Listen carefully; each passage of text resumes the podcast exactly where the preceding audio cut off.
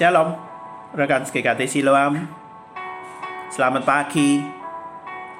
Biarlah kita pagi ini pun tetap setia mengikuti renungan dan setia kepada Tuhan. Mari kita berdoa dan setelah itu kita merenungkan bagian firman Tuhan.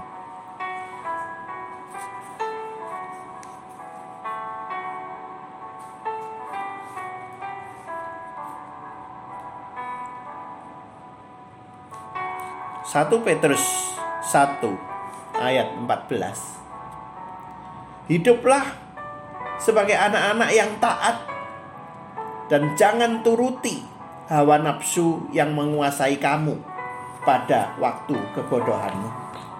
Dalam bahasa Indonesia sehari-hari dikatakan taatilah, taatlah kepada Allah dan jangan hidup menurut keinginanmu yang dahulu pada waktu kalian masih belum mengenal Allah. Pada waktu kita belum menerima Yesus Kristus menjadi juru selamat kita pribadi, Alkitab menyatakan bahwa kita ini memusuhinya dalam hati dan pikiran kita.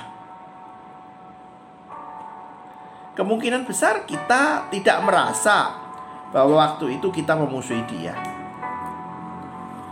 Kemungkinan kita merasa pada waktu itu kita pun juga ya sudah percaya kepada Tuhan Yesus, apalagi sudah hadir di gereja, sudah ikut persekutuan komisi dan lain-lain.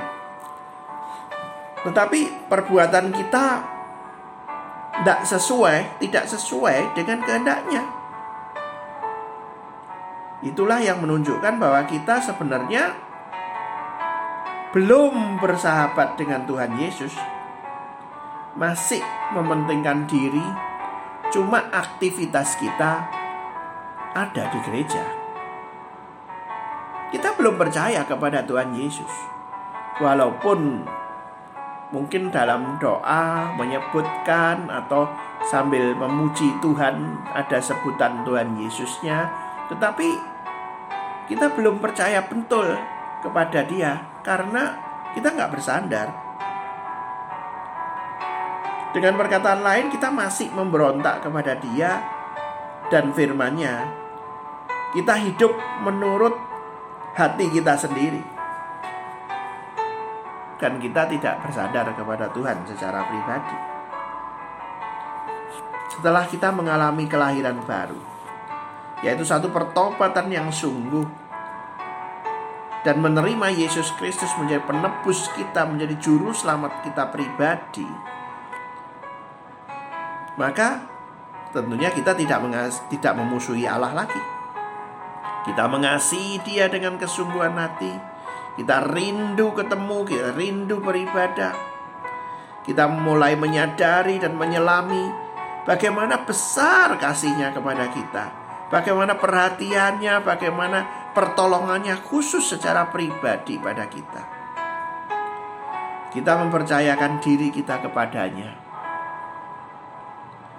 Kita ingin membalas kasihnya dengan apa yang ada pada kita, yaitu dengan seluruh diri dan kehidupan kita.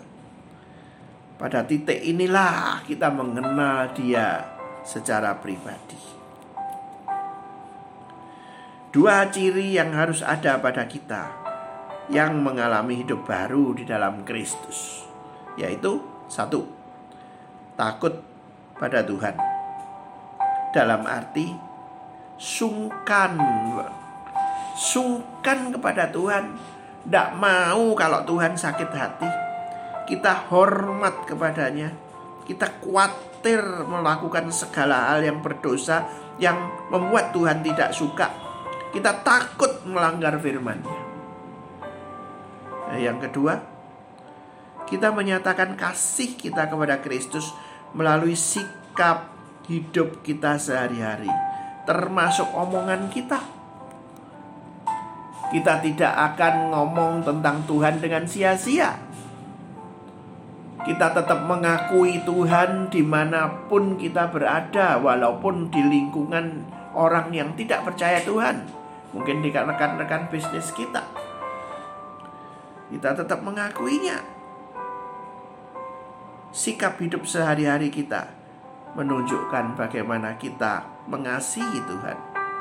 Ketaatan kita, sikap terhadap sesama, terhadap teman, menunjukkan bagaimana ketaatan kita kepada Tuhan, menunjukkan bagaimana cinta kita kepada Tuhan.